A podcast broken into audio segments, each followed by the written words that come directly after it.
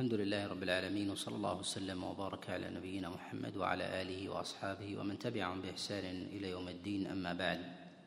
فأول حديث في هذا أول حديث في هذا اليوم هو حديث أسيد عليه رضوان الله تعالى أن رسول الله صلى الله عليه وسلم سئل عن ألبان الإبل فقال توضأوا منها وسئل عن البان الغنم فقال لا توضأوا لا توضأوا منها. هذا الحديث رواه الإمام أحمد وغيره من حديث عبد الله ابن عبد الله عن عبد الرحمن ابن أبي ليلى عن أسيد ابن الحضير عن رسول الله صلى الله عليه وسلم. وهذا الحديث معلول بعدة علل بمتنه وكذلك وكذلك بإسناده. أولا من جهة الإسناد فهذا الحديث قد وقع فيه فيه اختلاف. فيرويه الحجاج ابن أرطات عن عبد الله بن عبد الله عن عبد الرحمن بن أبي ليلى عن أسيد بن الحضير. وعبد الرحمن بن أبي ليلى لم يسمع من أسيد بن الحضير وذلك أن عبد الرحمن بن أبي ليلى إنما ولد قبل وفاة أسيد بنحو أربع سنين. ولا يمكن أن يكون قد سمع قد سمع منه. وكذلك هذا الحديث جعله من مسند أسيد بن حضير منكر والصواب أنه من حديث البراء عليه رضوان الله تعالى وقد وقع في هذا الحديث جملة جملة من الخلاف. والخلاف الذي قد وقع في هذا الحديث تارة يجعل من حديث ذي الغرة ويرويه عنه عبد الرحمن ابن أبي ليلى ويرويه عن عبد الرحمن بن أبي ليلى عبد الله ابن عبد الله وهو مولى بني بني هاشم. ويرويه عن عبد الله بن عبد الله عبيدة بن معتب الضبي. يرويه عبيدة بن معتب الضبي عن عبد الله بن عبد الله عن عبد الرحمن بن أبي ليلى فجعله من مسند من مسند ذي الغرة. وقد أخرجه الطبراني في كتابه المعجم وسمى ذي الغرة بالجهني. وهذا الحديث أيضا مضطرب ووهم. وقد جاء أيضا من مسند سليك الغطفاني كما رواه الطبراني في كتابه في كتابه المعجم. فقد أخرجه من حديث عيسى بن أبي ليلى عن عبد الرحمن بن أبي ليلى عن سليك الغطفاني عن رسول الله صلى الله عليه وسلم وهو وهم وغلط. وجاء من حديث عبد الله بن عبد الله عن عبد الرحمن بن أبي ليلى عن البراء بن عازب. وهذا هو الصواب أنه من حديث من حديث البراء. يرويه الأعمش بهذا الإسناد عن عبد الله بن عبد الله عن عبد الرحمن بن أبي ليلى عن البراء بن عازب. ووقع في حديث البراء اختلاف عن حديث أسيد وذلك أن حديث البراء جاء فيه ذكر ذكر اللحوم ولم يأتي فيه ذكر اللبن. جاء فيه ذكر اللحوم ولم يأتي فيه ذكر اللبن. وخالف حديث أسيد من من وجهين. الوجه الأول ما تقدم الإشارة إليه أنه من أنه ذكر اللحوم ولم يذكر اللبن. الأمر الثاني أنه جعله من مسند البراء وذاك من مسند أسيد. وذاك من مسند أسيد. والصواب في ذلك هو حديث حديث الأعمش أي أنه من حديث البراء. كما مال إلى هذا جماعة من الحفاظ كأبي حاتم عليه رحمة الله كما نقله عنه ابنه ابن أبي ابن ابنه ابن أبي حاتم في كتابه في كتابه العلل. وعلى هذا نقول إن حديث أسيد منكر. إن حديث أسيد منكر. أما بالنسبة للعلة المتنية ذلك ما تقدم الإشارة إليه أن الحديث فيه ذكر اللبن. وتقدم معنا الإشارة إلى أنه جاء عن رسول الله صلى الله عليه وسلم جملة من النواقض أولى منها أن يكون اللبن لعموم البلوى البلوى به. لعموم البلوى البلوى به. فالناس يحتاجون إلى ألبان الإبل أكثر من حاجتهم إلى غيرها من الألبان كالغنم والبقر ونحو ذلك. وذلك أن الإبل تكون عند الناس في حلهم وسفرهم فإنهم يرتحلون عليها بخلاف بخلاف البقر والغنم. وكما تقدم الإشارة إليه فإن الأدلة قد جاءت عن رسول الله صلى الله عليه وسلم في لحم الإبل ولم تثبت عنه عليه الصلاة والسلام في ألبانها وينبغي أن يثبت الدليل في ذلك أكثر وأظهر. ولو ثبت في هذا لوجب أن يأتي بأسانيد صحيحة. فالنبي صلى الله عليه وسلم والنبي صلى الله عليه وسلم لم يثبت أنه أمر الغزاة وكذلك الرعاة والمسافرين أن يتوضأوا من شيء من شيء من ذلك مع أن الدليل يقتضيه. ومن العلل أيضا في هذا المتن أن فيه عبد الرحمن ابن أبي ليلى.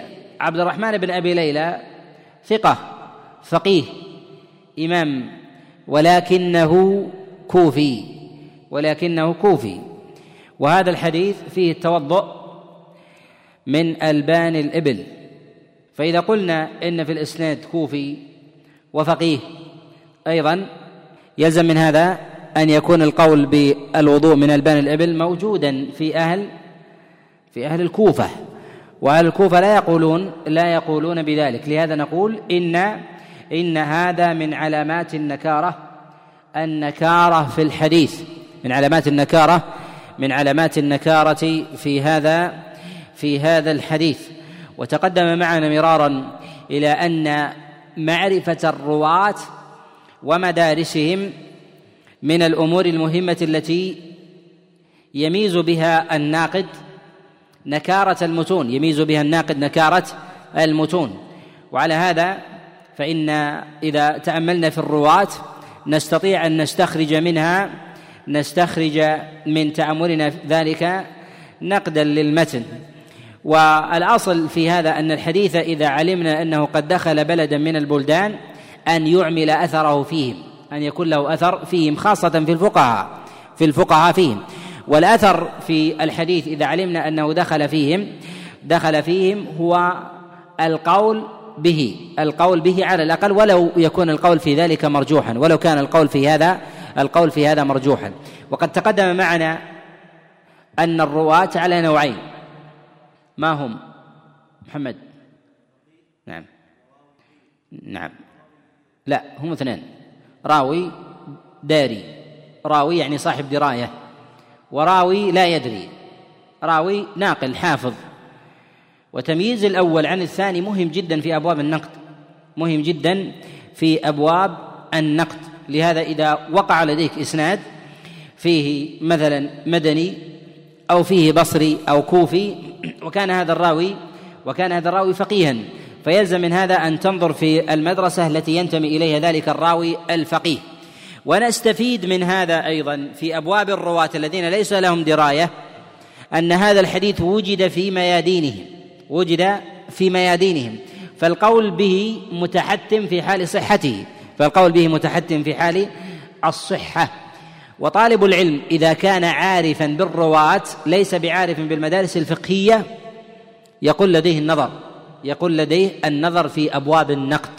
ومن نظر في الأئمة الكبار الأوائل وجد أنهم يعلون الأحاديث يعلون الأحاديث كثيرا بسبب عدم العمل بها في بلدان الرواة. ولو لم ينصوا على ذلك لكن الإشارات في ذلك الإشارات في ذلك ليست بالقليلة.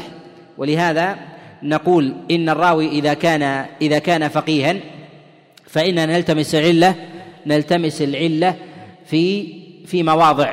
الموضع الأول في ذات الراوي إذا وجدنا له قولا في هذه المسألة إذا وجدنا له قول في هذه المسألة. إذا وجدنا له قول يؤيد هذا الحديث الذي رواه فإن هذا من قرائن من قرائن الاحتجاج والتقوية. إذا وجدنا له قولا لا يؤيد هذا الحديث فإن هذا من قرائن الإعلان. فإن هذا من قرائن الإعلان. وقد تقدم معنا الإشارة الإشارة إلى إلى هذا. وكذلك أيضا في الفقهاء الذين في الفقهاء الذين في هذه البلدة في الطبقة ذاتها. في الطبقة ذاتها. طبقة عبد الرحمن بن أبي ليلى طبقة متقدمة. طبقة متقدمة وهو من طبقة علقمة وأيضا الأسود وأمثالهم. فيلزم أن يكون هذا القول في هذه الطبقة وجودا. لا أن يكون لا أن يكون قد حدث بعد ذلك. لا أن يكون حدث بعد ذلك. وأشد العلل مواضع وأشد مواضع العلل ظهورا أن يوجد الحديث فيهم في سائر الطبقات ثم لا يقول به لا يقول به أحد منهم. ويليها بعد ذلك أن يوجد الحديث فيهم في طبقة من الطبقات مشهورة ثم لا يوجد القول به في جميع في جميع الطبقات أيضا في جميع الطبقات أيضا. وهذا من علامات الاعلان وهذا من علامات العلل وأظهرها إذا كان الراوي فقيها ثم قال بخلاف ثم قال بخلاف قوله. وقد تقدم معنا الإشارة إلى أنه ينبغي لطالب العلم أن يميز هذه هؤلاء الرواة بعضهم عن بعض فيميز الراوي الذي الذي له دراية والراوي الذي ليس له ليس له دراية حتى يكون من أهل حتى يكون من أهل الحذق والمعرفة والمعرفة في هذا. وأما بالنسبة للراوي إذا كان من بلد معين ولكنه ليس بصاحب فقه ما الصنيع في ذلك؟ هل يظهر فيه الإعلال أم لا؟ نقول يظهر الإعلال. يظهر الإعلال في ماذا؟ الإعلال إذا كان من شيوخه أو من تلاميذه فقيه. إذا كان من شيوخه وتلاميذه فقيه من أهل من أهل ذلك البلد. ولو لم يروى في هذا الحديث فوجد في كلام شيوخه وتلاميذه القول بخلاف الحديث الذي رواه. فيكون هذا من قرائن فيكون هذا من قرائن التعليل فيكون هذا من قرائن من قرائن الإعلال. وإذا وجد القول في شيوخه أو في تلاميذه يوافق الحديث ولكنه روي لم يروى عن هذا الراوي بذاته شيء. وذلك باعتبار أنه صاحب رواية وليس بصاحب دراية. وهذا وهذا من قرائن التقوية لهذا لهذا الحديث. من قرائن التقوية لهذا الحديث.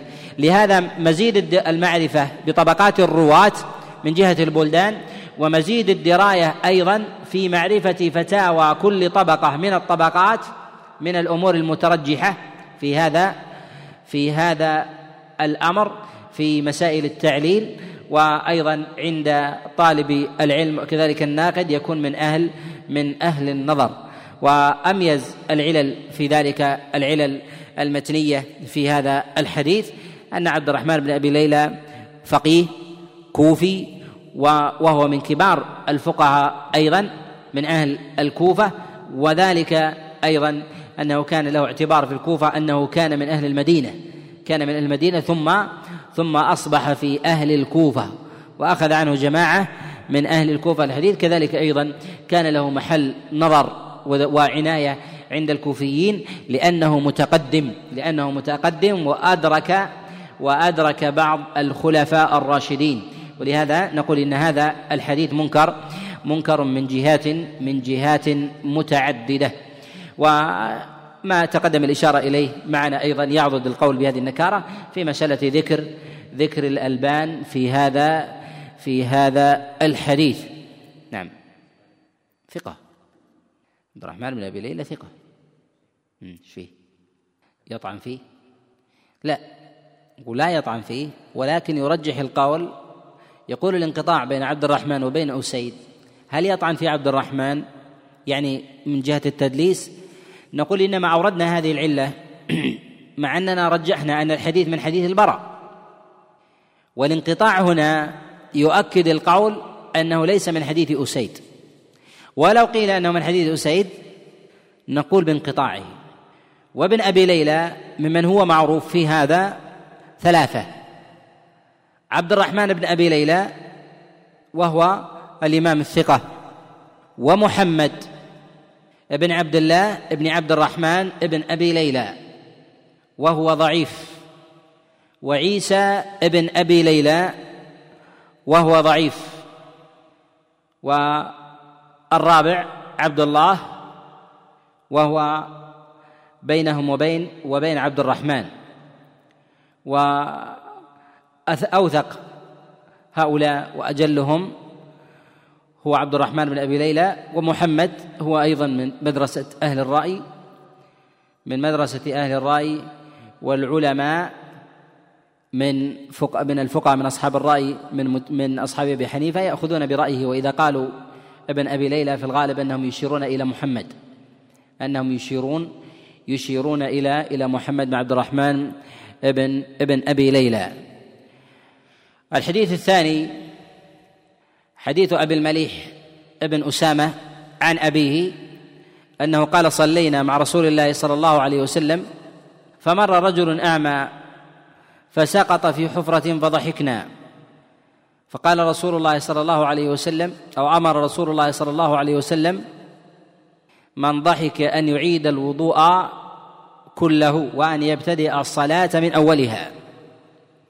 هذا الحديث أخرجه الدار قطني في كتابه السنن ورواه ابن عدي في كتابه الكامل من حديث الحسن ابن دينار عن الحسن بن أبي الحسن عن أبي المليح عن أبيه أسامة عن رسول الله صلى الله عليه وسلم.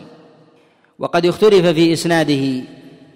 تارة يجعل من حديث الحسن بن أبي الحسن عن أبي المليح بن أسامة عن أبيه عن رسول الله صلى الله عليه وسلم وتارة يجعل من حديث قتادة عن أبي المليح بن أسامة عن أبيه عن رسول الله صلى الله عليه وسلم. وفي كلا هذين الإسنادين الحسن بن دينار وهو متروك الحديث. وهذا الحديث جاء من حديث الحسن بن دينار ويرويه عنه محمد بن إسحاق.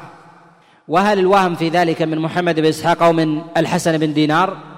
الحسن بن دينار متروك ومحمد بن الحسن محمد بن إسحاق فيه فيه ضعف وهو صدوق ولكنه قد اضطرب في هذا الحديث وإنما حملناه الاضطراب وذلك أنه قد جاء هذا الحديث من غير طريق الحسن بن دينار فجعل من حديث من حديث خالد الحذاء من غير طريق الحسن ابن دينار فدل على أن الوهم فيه من محمد بن إسحاق. ولو صح إلى محمد بن إسحاق وصح إلى الحسن بن دينار لقلنا إن علته بالحسن بن دينار فلا يصح.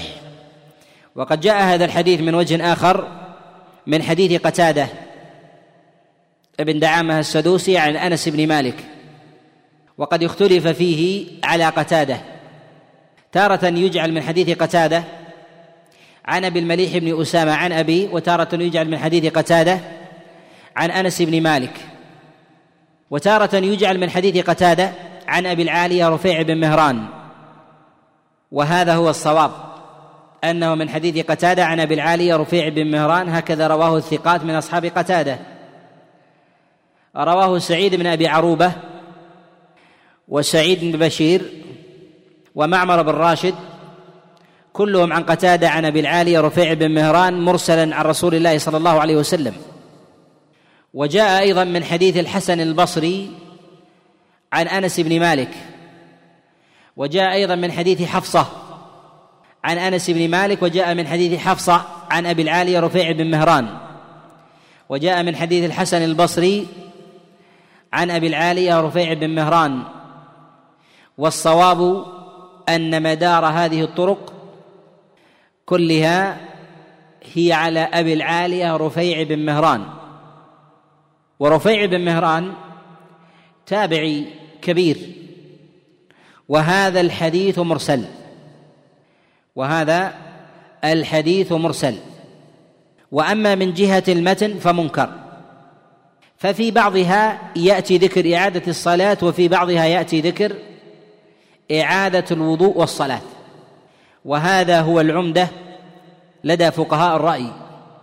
وهذا هو العمدة لدى فقهاء الرأي. الذين يقولون بنقض الوضوء من الضحك. فعمموا ذلك وقالوا من ضحك أو قهقه ولو خارج الصلاة انتقض وضوءه. انتقض وضوءه. وهذا القول وهذا القول منكر. وهذا القول القول منكر والحديث ضعيف وإن ثبت إسناده إلى أبي العالي رفيع بن مهران فإنه مرسل. ويغتر بعض بعض المخرجين من متأخر المحدثين بتعدد مخارج الحديث ويجعلونها شواهد لهذا الحديث. وقد تقدم معنا أنه جاء من حديث أنس بن مالك وجاء من حديث أبي المليح عن أسامة بن أسامة وهو والد أبي المليح عن رسول الله صلى الله عليه وسلم وجاء من مرسل الحسن وجاء من مرسل قتادة وجاء من مرسل حفصة وجاء عن أبي العالي هذه قالوا كلها مراسيل. وهذه الطرق عند جمعها يتضح ان أنها تنتهي إلى أبي العالية رفيع بن مهران. ورفيع بن مهران تابعي وحديثه عن رسول الله صلى الله عليه وسلم مرسل. والأحاديث المرسلة عند العلماء بعد جمعها إذا تعددت هل تعضد بعضا أم لا؟ يقال إن الأحاديث المرسلة إذا تنوعت وتعددت ينبغي بعد جمع طرقها أن ينظر في مخرجها فإن اتحد المخرج فإنه لا عبرة لا عبرة بتعدد الطرق لأن المخرج في ذلك واحد. وتكون الطرق في ذلك إما راجحة وإما مرجوحة. وإذا كان الراجح في ذلك أنها أن المخرج واحد فلا عبرة بهذا التعدد. وإذا تنوعت المخارج فلا بد من النظر إلى إلى الشيوخ إلى شيوخ المرسلين.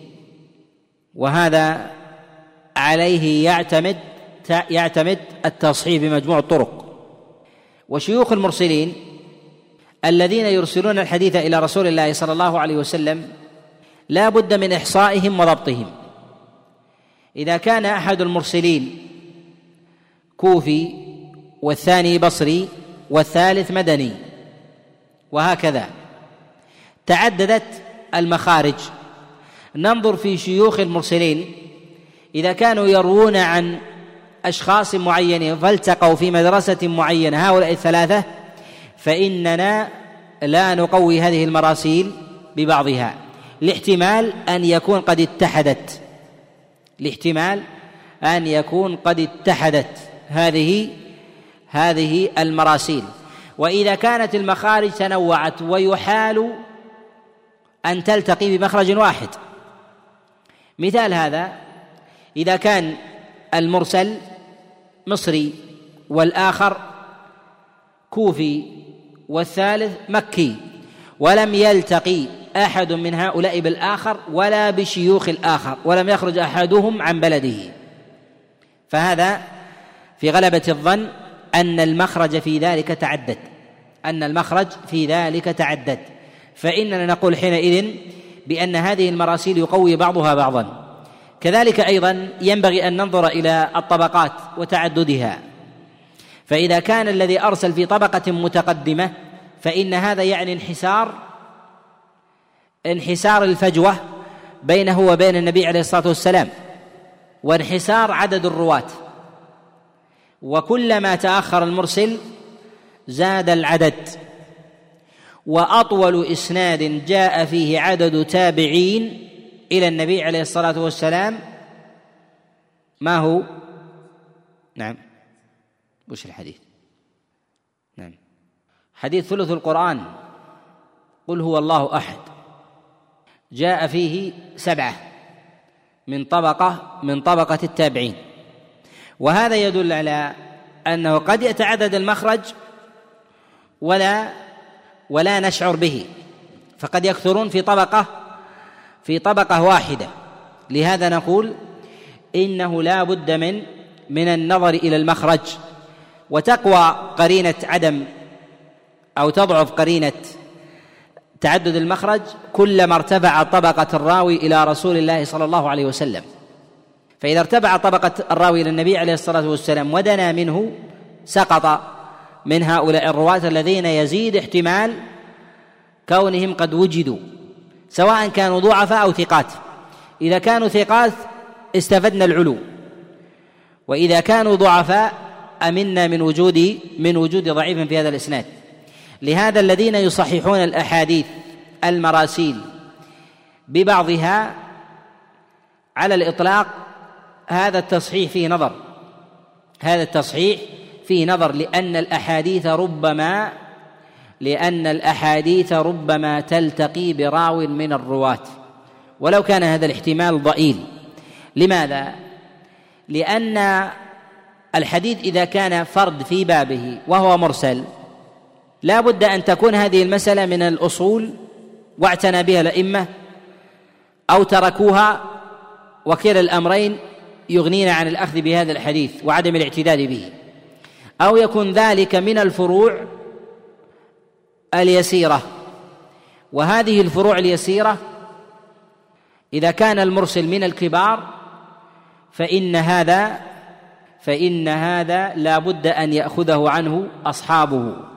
كذلك أيضا من القرائن في قبول المرسل أن يكون المرسل أفتى به أن يكون المرسل أفتى به أو وجد في مدرسة شيوخه أفتوا به. مثال هذا إذا أرسل في ذلك قتادة ووجد فتي في ذلك عن أنس أو أرسل عكرمة وسعيد بن جبير ووجد هذا فتي في قول عبد الله بن عباس.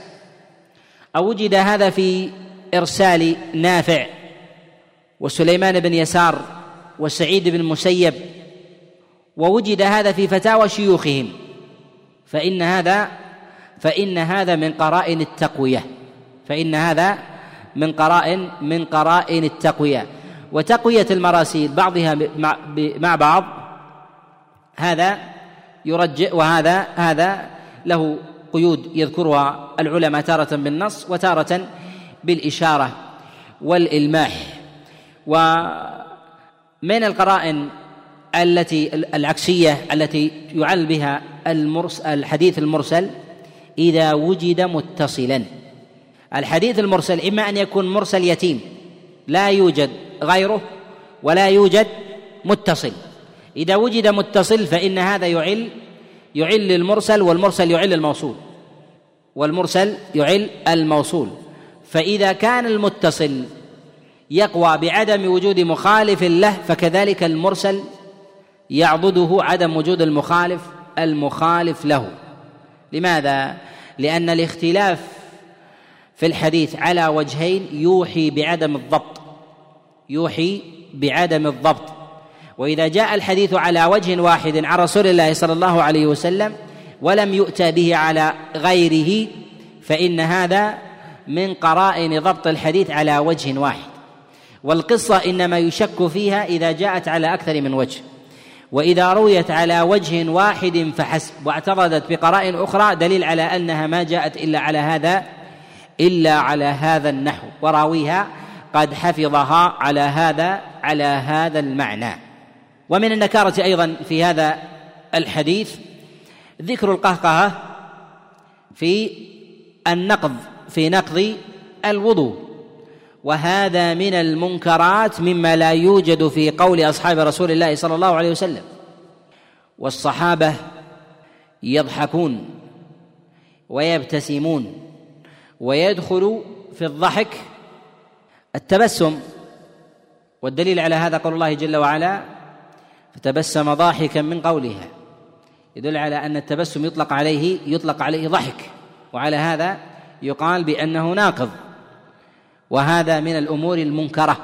والذي عليه فتي الفقهاء من أهل المدينة ومكة على عدم النقض بالتبسم والقهقه. وهذا من علامات النكارة. والحديث إذا جاء عن رسول الله صلى الله عليه وسلم ولا يوجد فتيا من فقهاء مكة والمدينة فإن هذا من قرائن فإن هذا من قرائن النكارة. بل إن الفتيا عند متأخريهم على خلاف أيضا وإن لم يوجد عند متقدميهم قول في هذه في هذه المسألة. ثم إن هذه المسألة أيضا في مسألة الضحك مما تعم بها البلوى وهي من أظهر النواقض التي لو جاءت لوجب أن يثبت بها النص. أنس أعل هذا الحديث بالمتن بأحاديث أخرى في الباب في باب النقض. مس الذكر نعم. الإنسان في اليوم يضحك أكثر ولا يمس ذكره أكثر؟ طيب. نعم. أعل الحديث. نعم. لكن لا تعل بمنكر من القول. نعم. نعم أريد نواقض. نواقض هي دون الحاجة من إلى الضحك في اليوم. تضرع. تحمل إبل عبد الملك. ذكر لحم الإبل. نعم. مثل الحجامة النوم. ينظر في أحاديث الباب وتعل ينظر في أحاديث الباب الباب وتعل والحاجة إلى الضحك أو مما تعم بها البلوى كثير. والصحابة عليهم رضوان الله تعالى ربما ضحكوا في المسجد كما جاء في حديث جابر في الصحيح. قال كنا نجلس أو نصلي مع رسول الله صلى الله عليه وسلم صلاة الفجر ونتحدث في أمور الجاهلية ونضحك.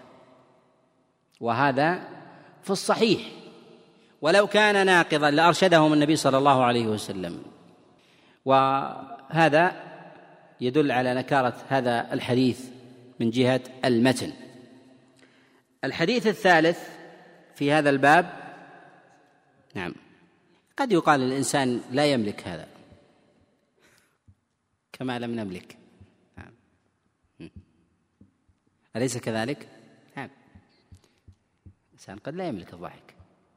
هذا الإعلان فيه فيه ما فيه. الحديث الثالث في هذا هو حديث عبد الله بن عمرو أن رسول الله صلى الله عليه وسلم قال إذا التقى الختان بالختان وتوارت الحشفة وجب الغسل. هذا الحديث منكر إسنادا ومتنا. الحديث رواه الحجاج بن ارطات عن عمرو بن شعيب عن أبيه عن جده. عن رسول الله صلى الله عليه وسلم وعلته من وجوه.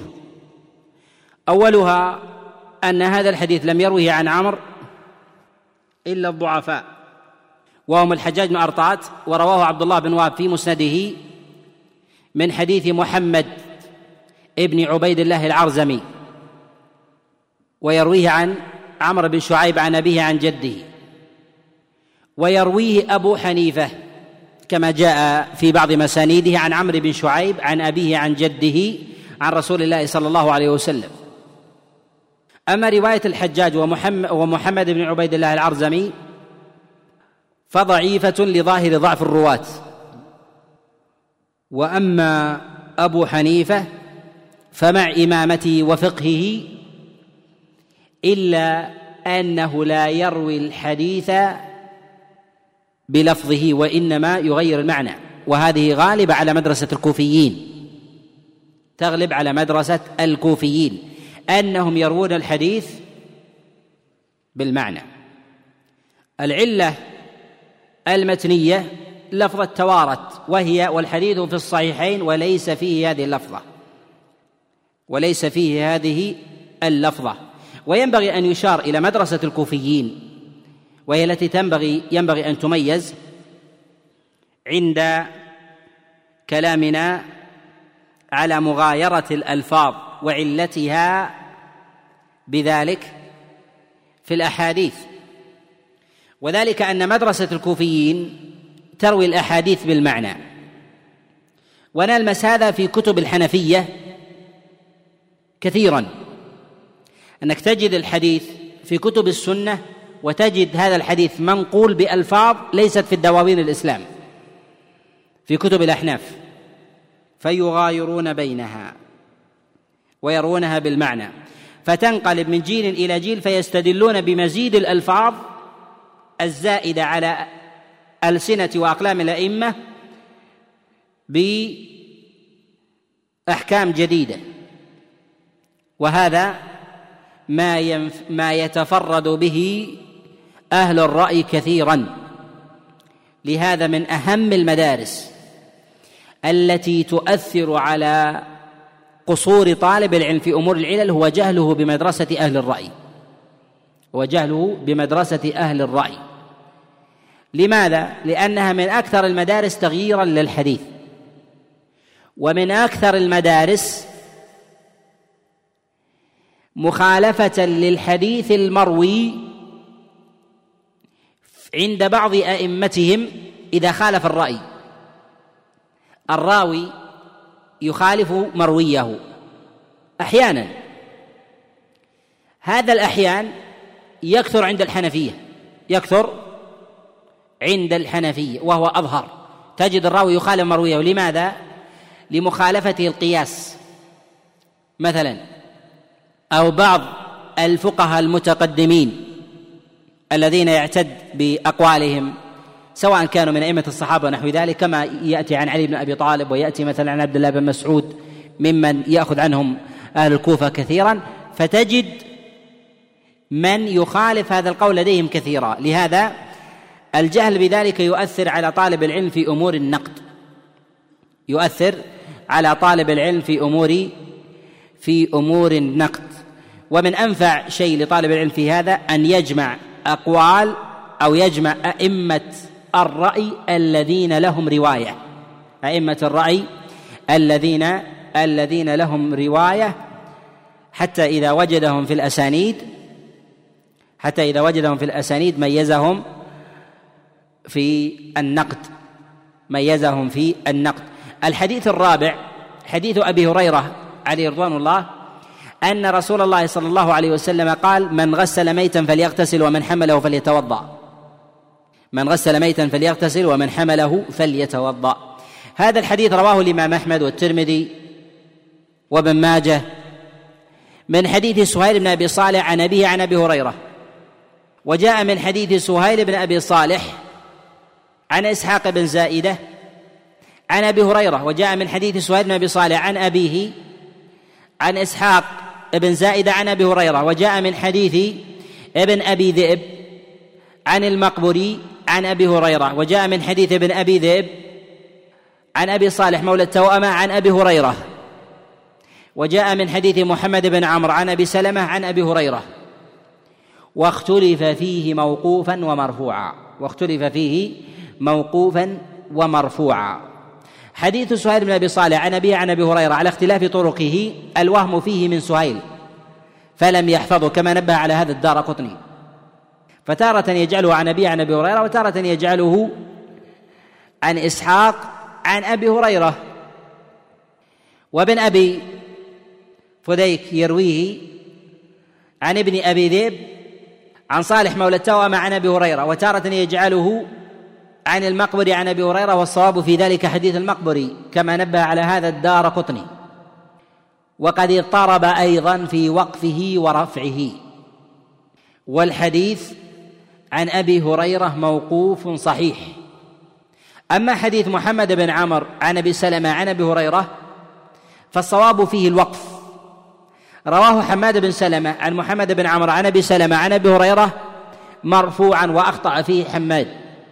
ورواه يزيد بن هارون وعبده بن سليمان وعبد العزيز بن محمد الدراوردي وعبد الوهاب بن عطاء كلهم عن محمد بن عمر عن أبي سلمة عن أبي هريرة موقوفا وهو الصواب. وهو الصواب. وهذا الحديث أعله مرفوعا عامة الحفاظ. أعله مرفوعا عامة الحفاظ. أعله الإمام أحمد وأبو حاتم والبخاري وعلي بن المديني ويحيى الذهلي وابن المنذر والدار قطني والبيهقي وغيرهم. بل قال الإمام أحمد عليه رحمة الله لا يصح في هذا الباب شيء. لا يصح في هذا الباب شيء. ومن نكارة رفعه أيضا أنه لا يثبت عن أحد من الخلفاء الراشدين ومن علية الفقهاء من الصحابة من قال بالإغتسال من غسل الميت والوضوء من حمله. وقال غير واحد من العلماء إنه لم يقل بهذا الحديث أحد. لم يفتي به أحد من العلماء. وربما قال به أبو هريرة احتياطا.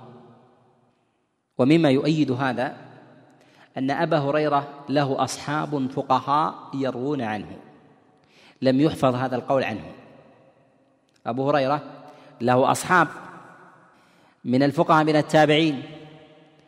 من أقرب الفقهاء من التابعين لأبي هريرة؟ هناك أكبر منه سعيد. سعيد المسيب وبينهم نسب.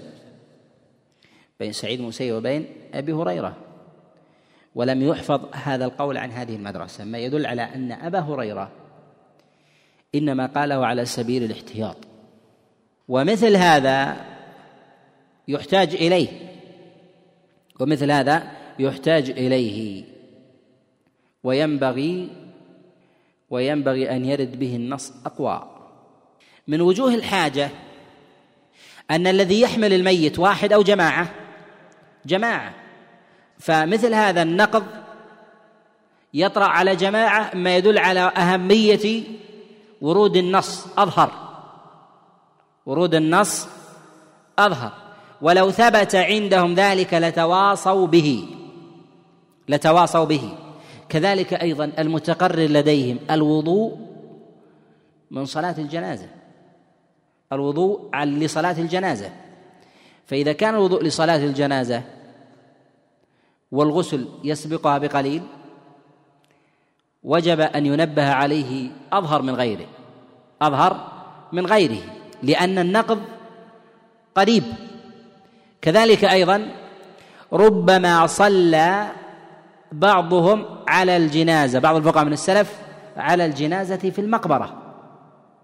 وهذا يعني أنه بعد بعد حملها ولم يذكر عن واحد منهم أنه قال بنقض الوضوء أو أمر غيره غيره بالوضوء. ومعلوم أن موضع المقابر مواضع المقابر ليست مواضع ماء ولا جلب ماء وإنما الناس يتوضؤون في دورهم وبساتينهم. في هذا القدر كفاية. صلى الله وسلم وبارك على نبينا محمد. وأعتذر عن الأسئلة الذي ارتباط. وبالله التوفيق.